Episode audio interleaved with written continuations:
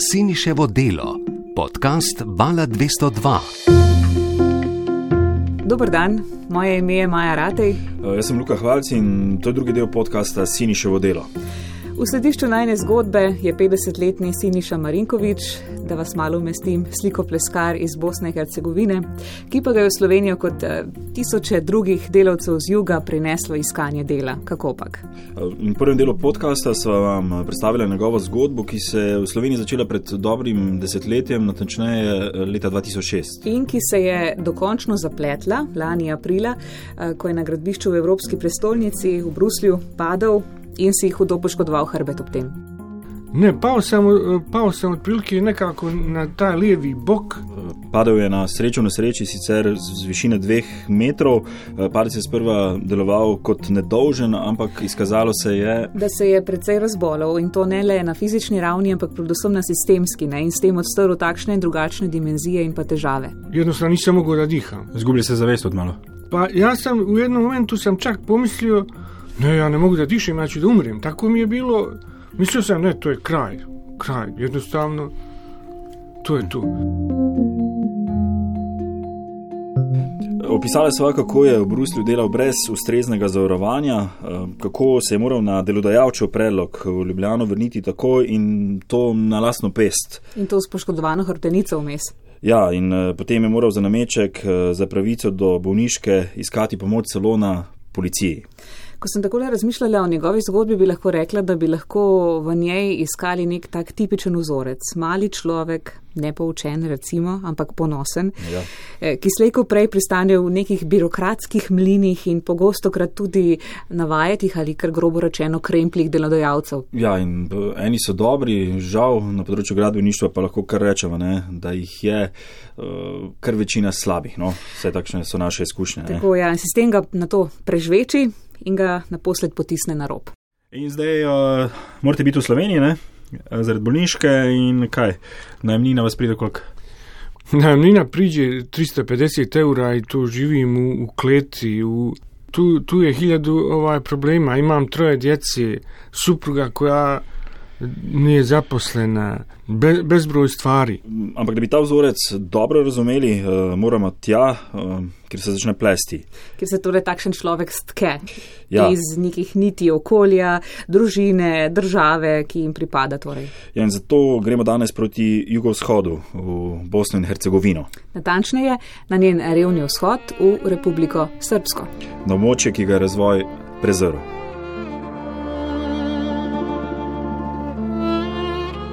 Avtobus za smer Pedro-Sanski most stoji na peronu škriljkaški liniji je pripravljen za odhod.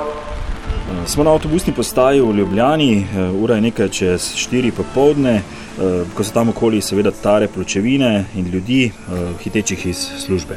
Čez nekaj minut bo od tam odpeljal delovski avtobus za Šekoviče, to je kraj v Bosni in Hercegovini, eh, pravzaprav iz njegove okolice, Vlasenice, je doma tudi naš Sizif, Siniša, zato nas zanimajo Šekoviči. To je linija redovna, jer otvorena je linija Šekovići Kranj. Šofer Nezi Čivič pripoveduje, da večinoma vozi delavce, ki delajo seveda predvsem na gradbiščih, nekaj malega tudi v tovarnah.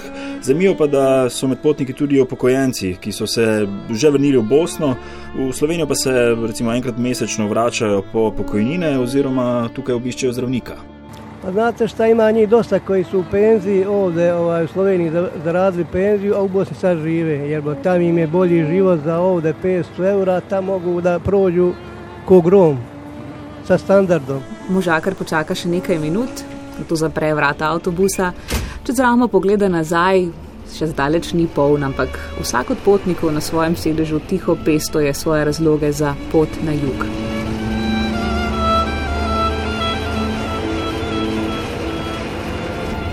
Po nekaj urah vožnje, po noči, ki jo je večina prespala, pristanemo 400 km južneje.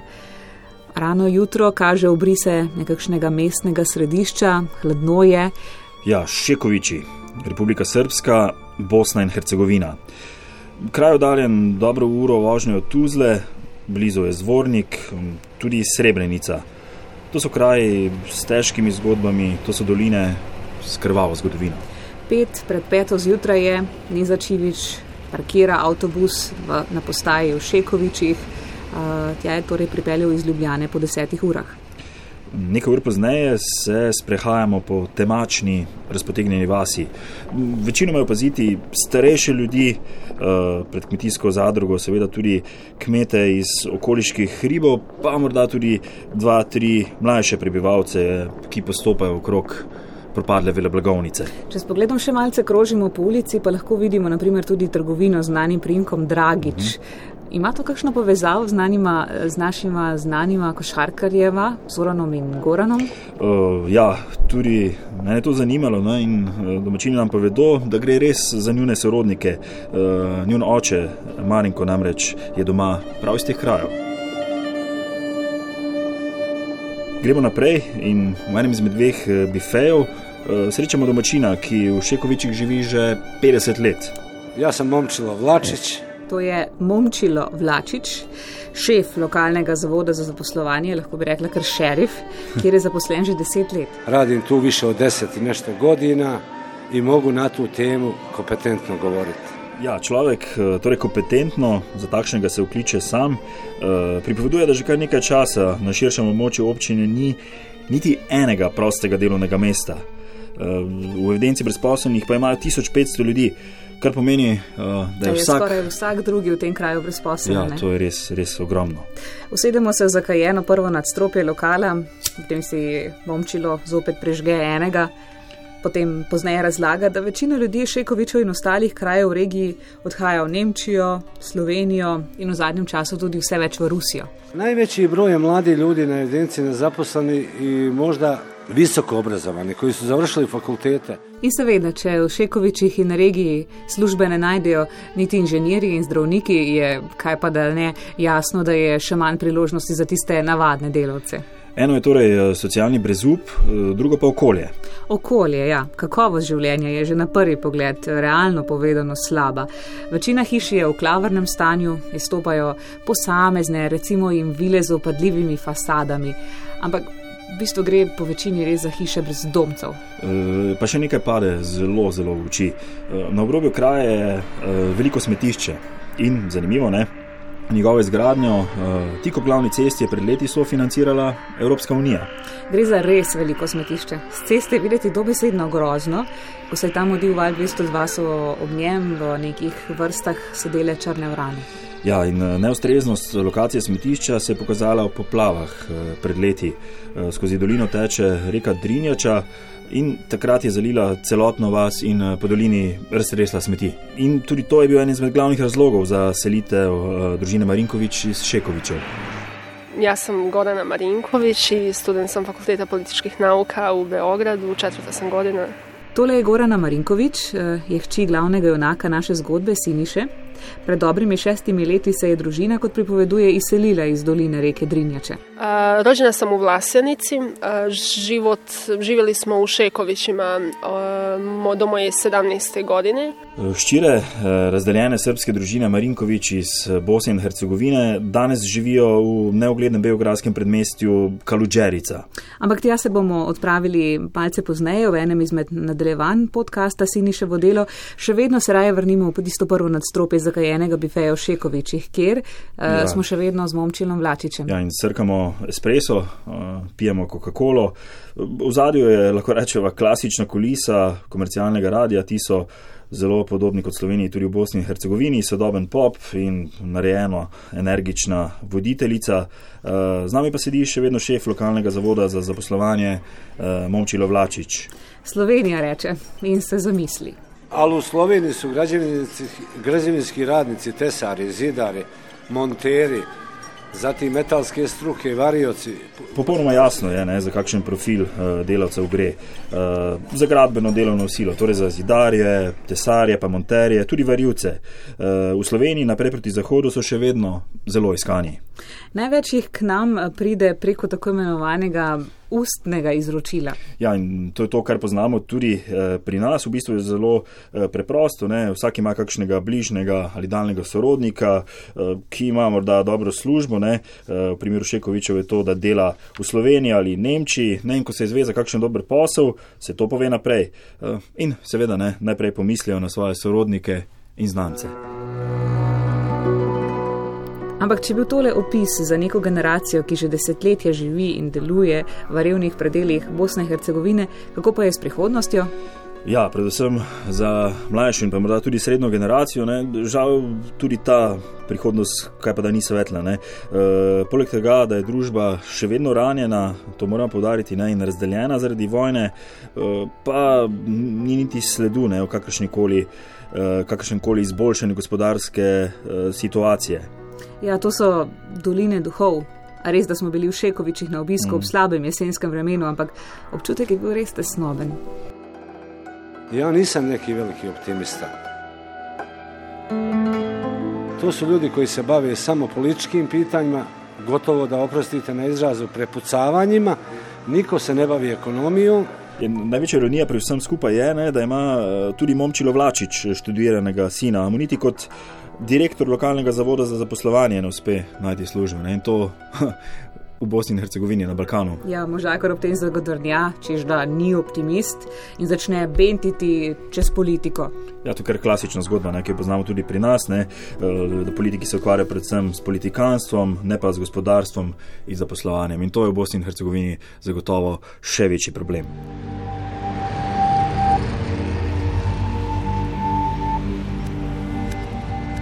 Tako, to je bila Slika Šekovičev, nekakšna razglednica od tam, meglena, revna, brez prihodnosti, bi lahko strnili nekaj predelnikov, na to pa smo se odpeljali naprej kam.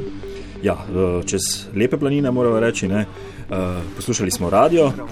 Firmi Vasin Trans, potrebni vozači, telefon za informacije 064 19 In po petih urah vožnje se na obzorju končno nariše prestolnica Federacije Bosne in Hercegovine, Sarajevo. Uh, naš prvi postanek je tamkajšnji sindikalni dom, uh, stoji nasproti legendarne dvorane Skenderja. Ja sam primarius dr. Suad Rožajac, po struci anesteziolog, specijalista za terapiju bola kod karcinoma.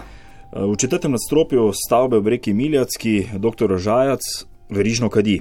Je šef zdravniškega sindikata, sicer specialist, anesteziolog eh, in tako že na začetku pogovora povdari, ne, da je zaradi sporov z novo direktorico Sarajevskega kliničnega centra, ki je mimo grede žena člana predsedstva Bakirja Izetbegoviča, zapustil kliniko. Evo tako, doktore, eh, sedimo ovde v Sarajevu, v domu sindikata. Zdaj si samo predstavljate tisto pisarno, ne? med gostim dimom in vonjem mm prave bosanske kave, ki je mimo grede skuhala prijazna tajnica tik pred upokojitvijo.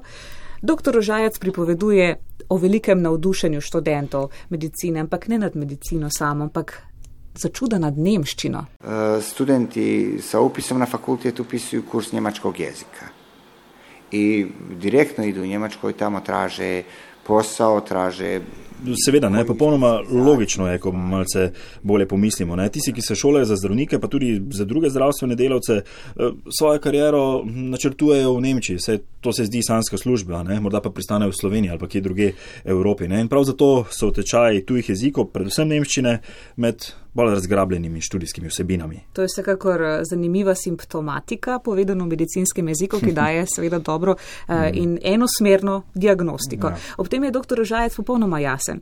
V Bosni izobražujejo kadre za zahodne države. Pika klicaj. Naprimer, tudi svojemu sinu, Brucu, na medicini v Sarajevu, je, da nimo svetoval, naj si najde službo v tujini in zato pravzaprav že ima strategijo. Ali svom sinu ću savjetovati da potraži posao negdje vani. Ili ako hoćete, imam i neku strategiju kako već da ga izmjestim vani.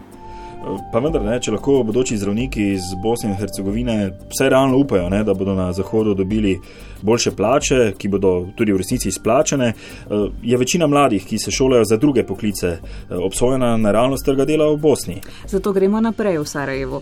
V Sarajevskem predmestju Ilidža, kjer so številne nove fakultete, ki jih financirajo arabski investitorji, ima sedež Zavod Mladi Kult. Tam srečamo Katarino Vučkovič, ki pa pravi, da so bili pred kakšnim desetletjem mladi tam veliko bolj pripravljeni za boj, čeprav si seveda spremem želijo tudi danes. Uh, ono što sad primjećujem kod mladih ljudi je ve veći stepen zasićenosti. Jednakim stanjem, teškim, pod navodnicima, teškim životom i nažalost nesreći. Ja, takrat so bili pripravljeni v družbene spremembe vložiti več energije. Zdaj, zdaj pa so in razumeti jih je že kar zasičeni. Uh, 2013. institut radio istraživanje u položaju mladih u federaciji. Prema tom istraživanju um, skoro 68, 67% mladih je nezaposleno. Eden od razlogov, lahko bi rekli, ne, je predvsem v njihovi brezposobnosti. E, mladi v Bosni v 67 odstotkih nimajo služb. 67 neslaven evropski rekord. Pravzaprav se je Bosna s tem zavihtela na res nezavedljivo prvo mesto v Evropi. Dve tretjini mladih no, nima kaj za početi, no, če so eh, prevedeva nekako. Ne. In, eh, dejstvo je, pove Katarina, da Bosna in Hercegovina eh, pravzaprav podpira zaposlovanje v Nemčiji in Sloveniji. Ne. Politiki se celo hvalijo, da je poraslo število zaposlenih, v resnici pa so se ti le zaposlili v Sloveniji. In alarmantno pri vsem skupaj je, v kolikšnem številu mladi zapuščajo to državo. Ne le eden dva, tri, ampak več deset tisoč jih je že odšlo in seboj ponavadi seveda vzamejo družine, pri čemer gre pogosto krat za ljudi, ki imajo službo in pa neko perspektivo tudi doma. Torej, dobesedno gre za beg možganov. Ono što je unazad dve, tri godine jako važno za, za, za čutje, da to nije više odlazim ja kao pojedinac, nego pakujem i sebe i ženu, djecu. Znači... Podobno nam razlaga Nermina Mujagić. Ona je profesorica na Sarajevski fakulteti za politične znanosti.